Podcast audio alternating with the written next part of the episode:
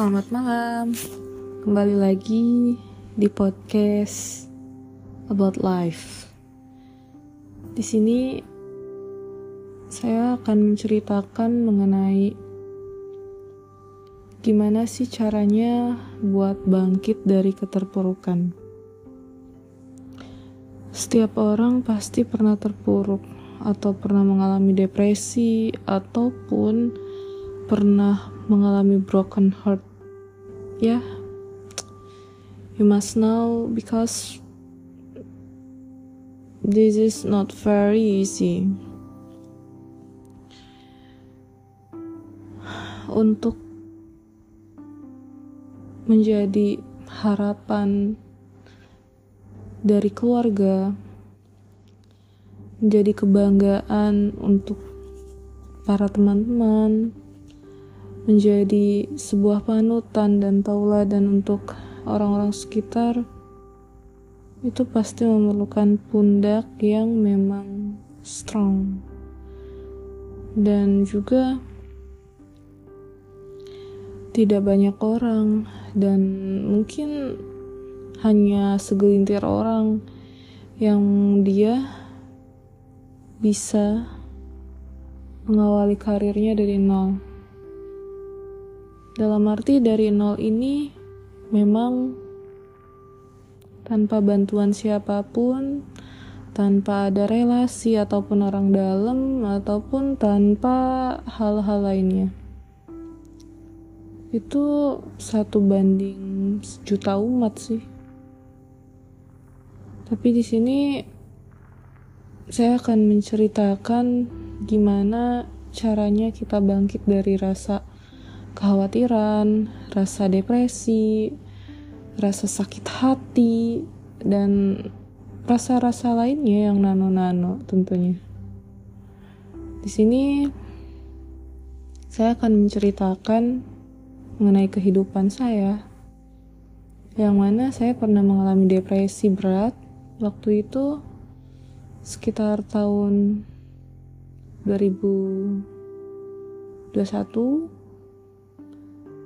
2020 mungkin gejala awalnya saya sering sakit di infus.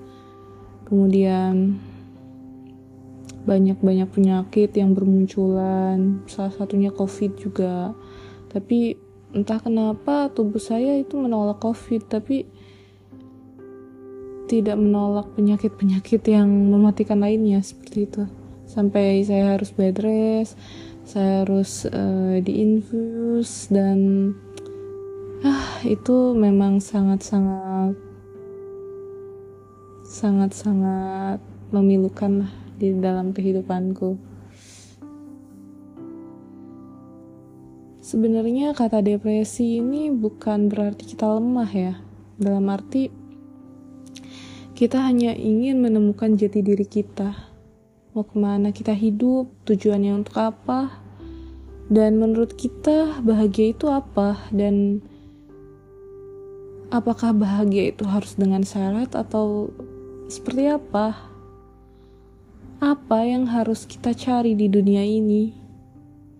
Strong way-nya tuh apa? Biasanya hal-hal seperti ini yang mengakibatkan seorang mengalami hampa terlebih dahulu, kemudian mungkin efek yang paling parahnya itu depresi dan dia kehilangan arah dan tujuannya. Hidup itu buat ngapain? Hidup itu harus apa? Hidup itu seperti apa?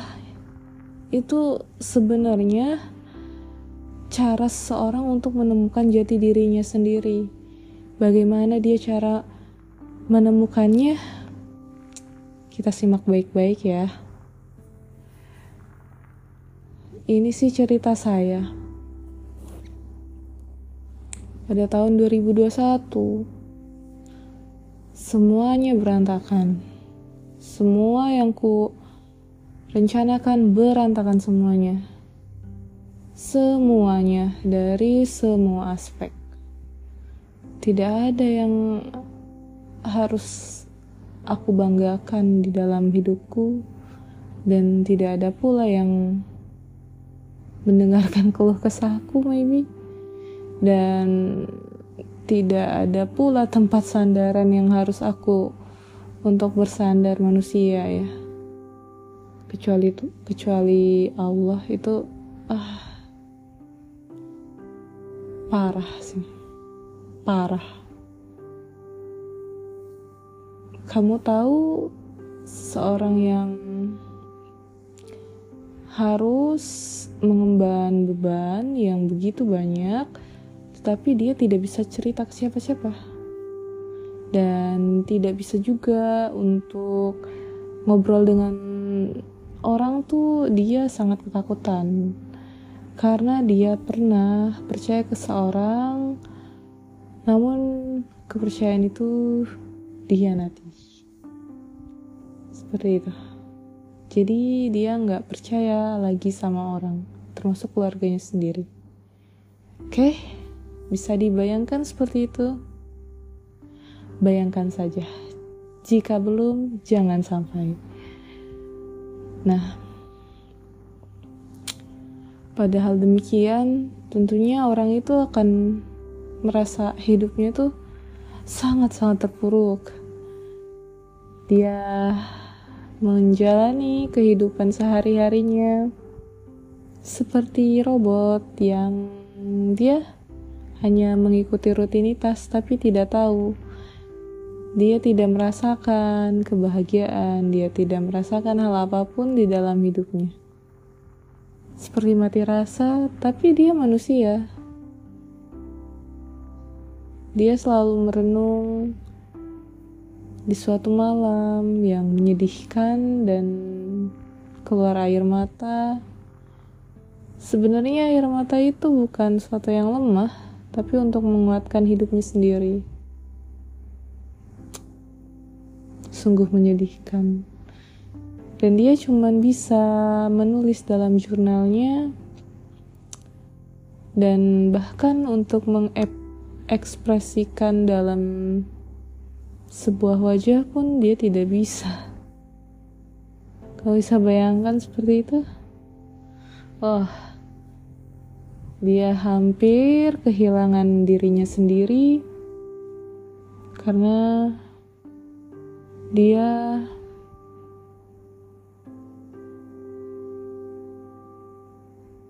membutuhkan seorang psikiater untuk menyembuhkannya. Pada saat itu, keadaan lagi rumit, rencananya berantakan, lagi COVID juga dan di situ dia juga berobatnya lewat jarak jauh dengan dokternya.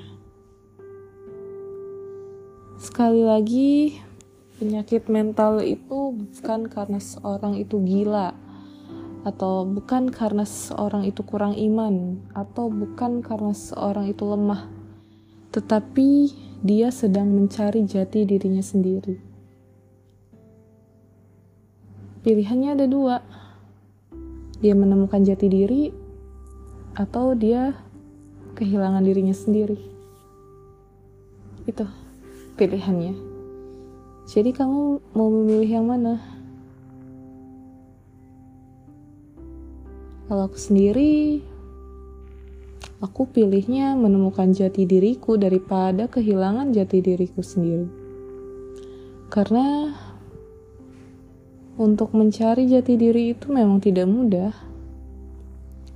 tapi aku mencintai diriku sendiri. Hal-hal yang bisa membuat saya bangkit dari keterpurukan itu tentunya beragam cara. Dan tidak bisa diungkapkan dengan kata-kata. Hanya bisa dirasakan dan mungkin saya memberikan gambarannya dalam bentuk analogi. Kamu tahu batu? Batu. Batu pantai ketika ombak menerjang batu tersebut itu kan dibenturkan ya. Maka si batu pantai itu akan menjadi batu karang yang sangat indah. Karena setiap harinya dapat benturan dari ombak laut yang sebegitu besarnya. Bayangkan saja, ombak laut itu adalah beban kita, masalah kita, sesuatu yang tidak enak dalam diri kita. Kemudian kita itu adalah batunya. Nah, analoginya seperti itu. Jadi, kita memilih untuk bertahan atau meninggalkan pantai. Pilihannya dua, itu saja. Padahal kita sudah tahu jati diri kita batu.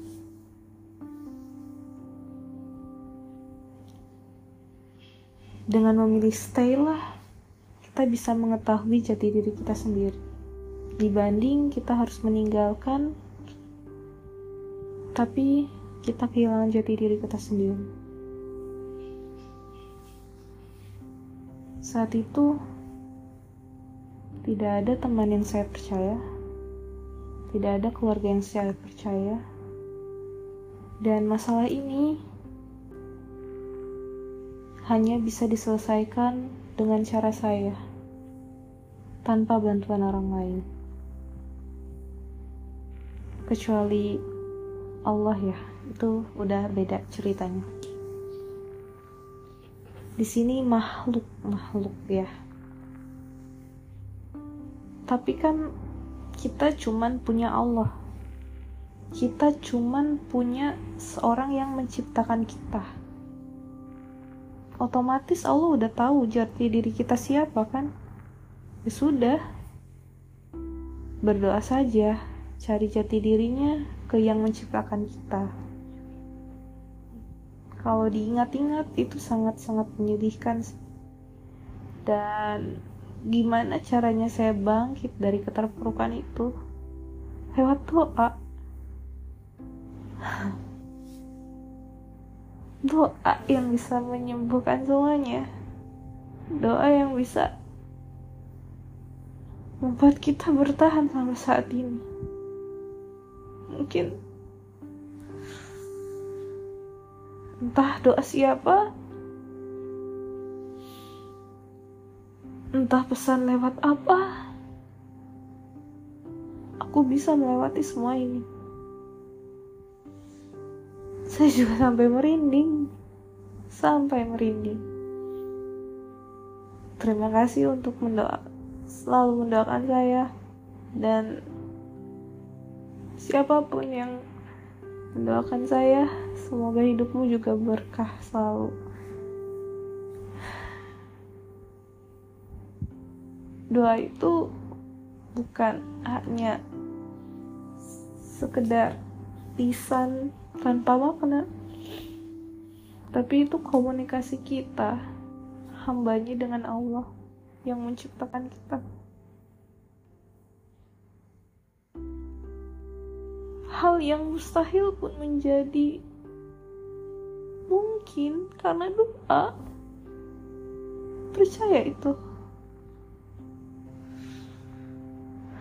2021 dari bulan Januari sampai Desember rasanya tuh kayak minum obat yang sangat pahit kayak tenggelam di lautan yang tak tahu akan sampai mana. Seperti mobil tanpa arah dan tujuan. Seperti naik gunung yang tak sampai. Analogi 2021.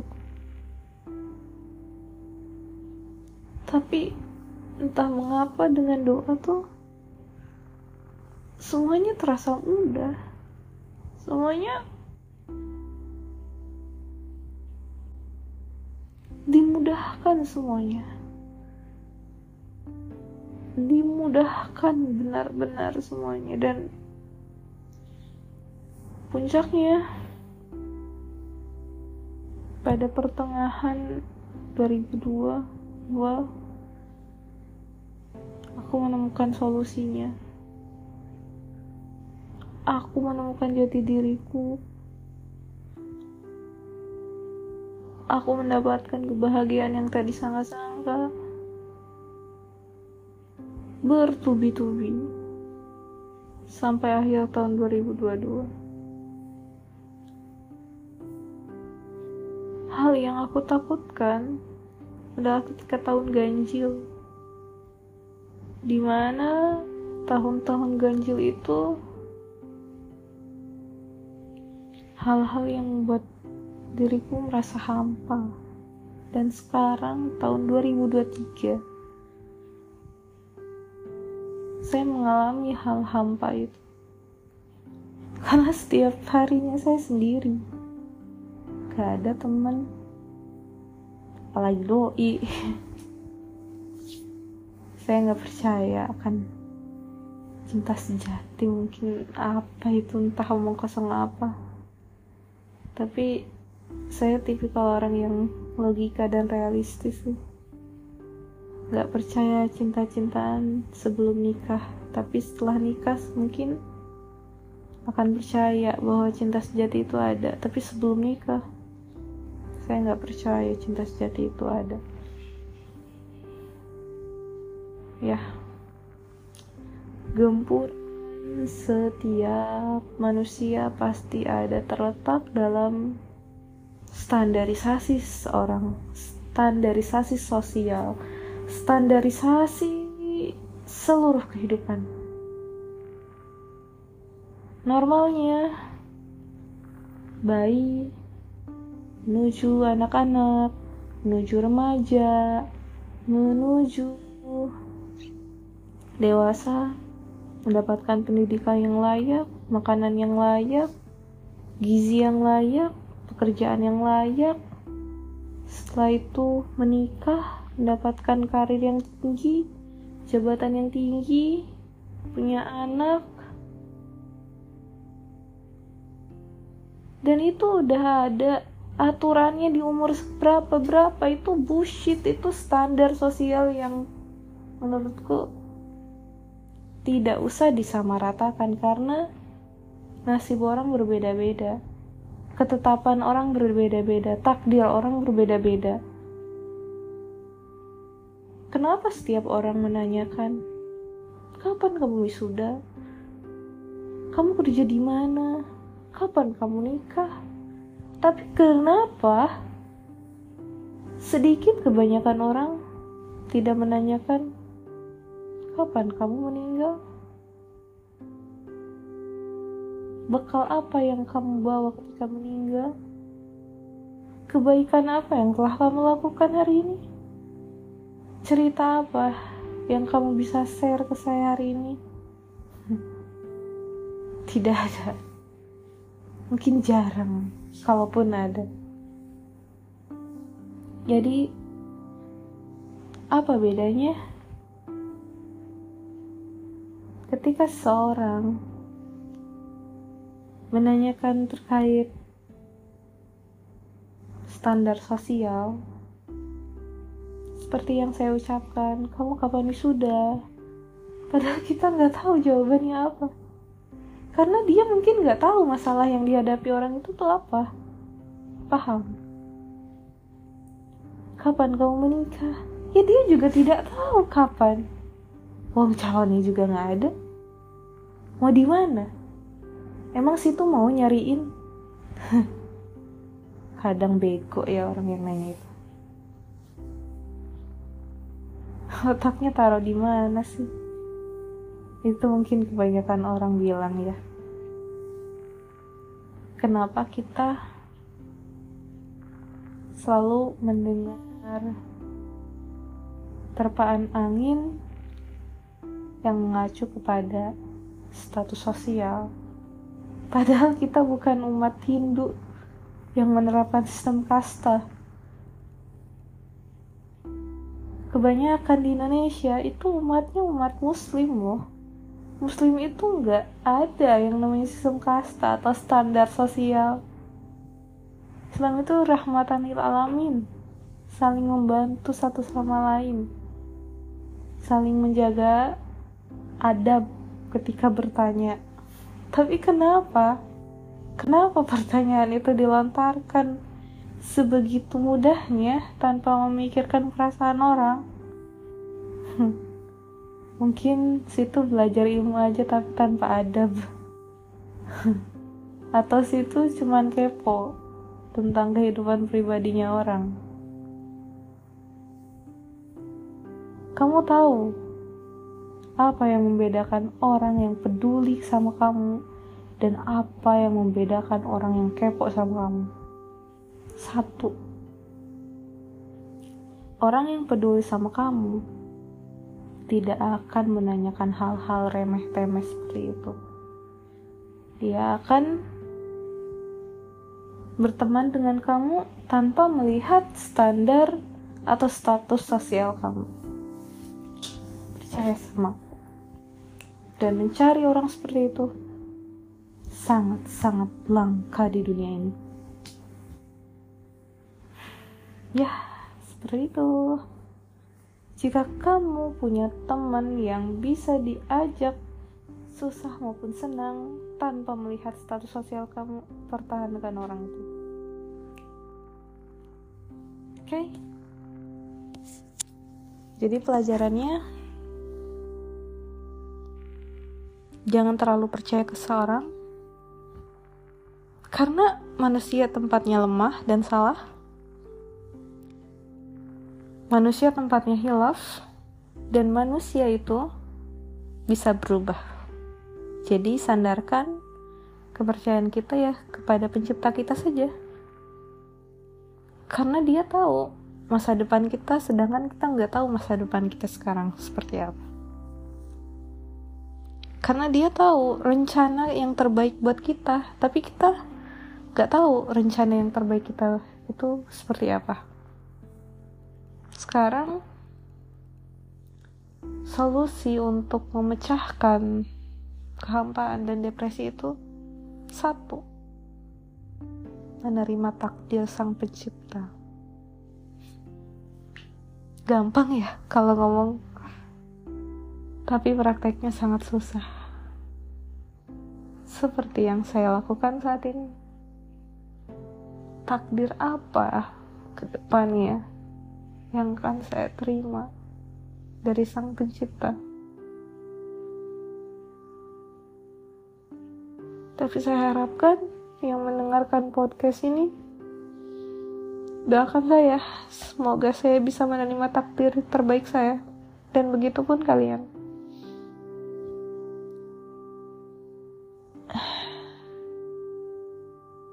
Takdir kehidupan bukan di dunia saja, tapi setelah kematian pun pasti ada takdir kita. Semoga kita diberikan takdir yang terbaik oleh pencipta kita. Menerima takdir itu bukanlah perihal yang mudah. Harus lapang harus lapang dadanya. Harus luas pemikirannya. Harus ikhlas hatinya. Dan dalam surah al-ikhlas tidak disebutkan kata ikhlas. Karena ikhlas itu tidak bisa diucapkan tapi bisa dilakukan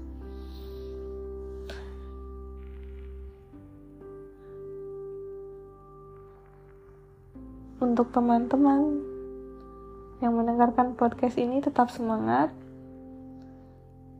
Kalaupun kalian sedang depresi, tenang, kalian gak sendiri. Banyak teman-teman kalian yang seperti itu, dan banyak orang-orang juga yang udah sembuh.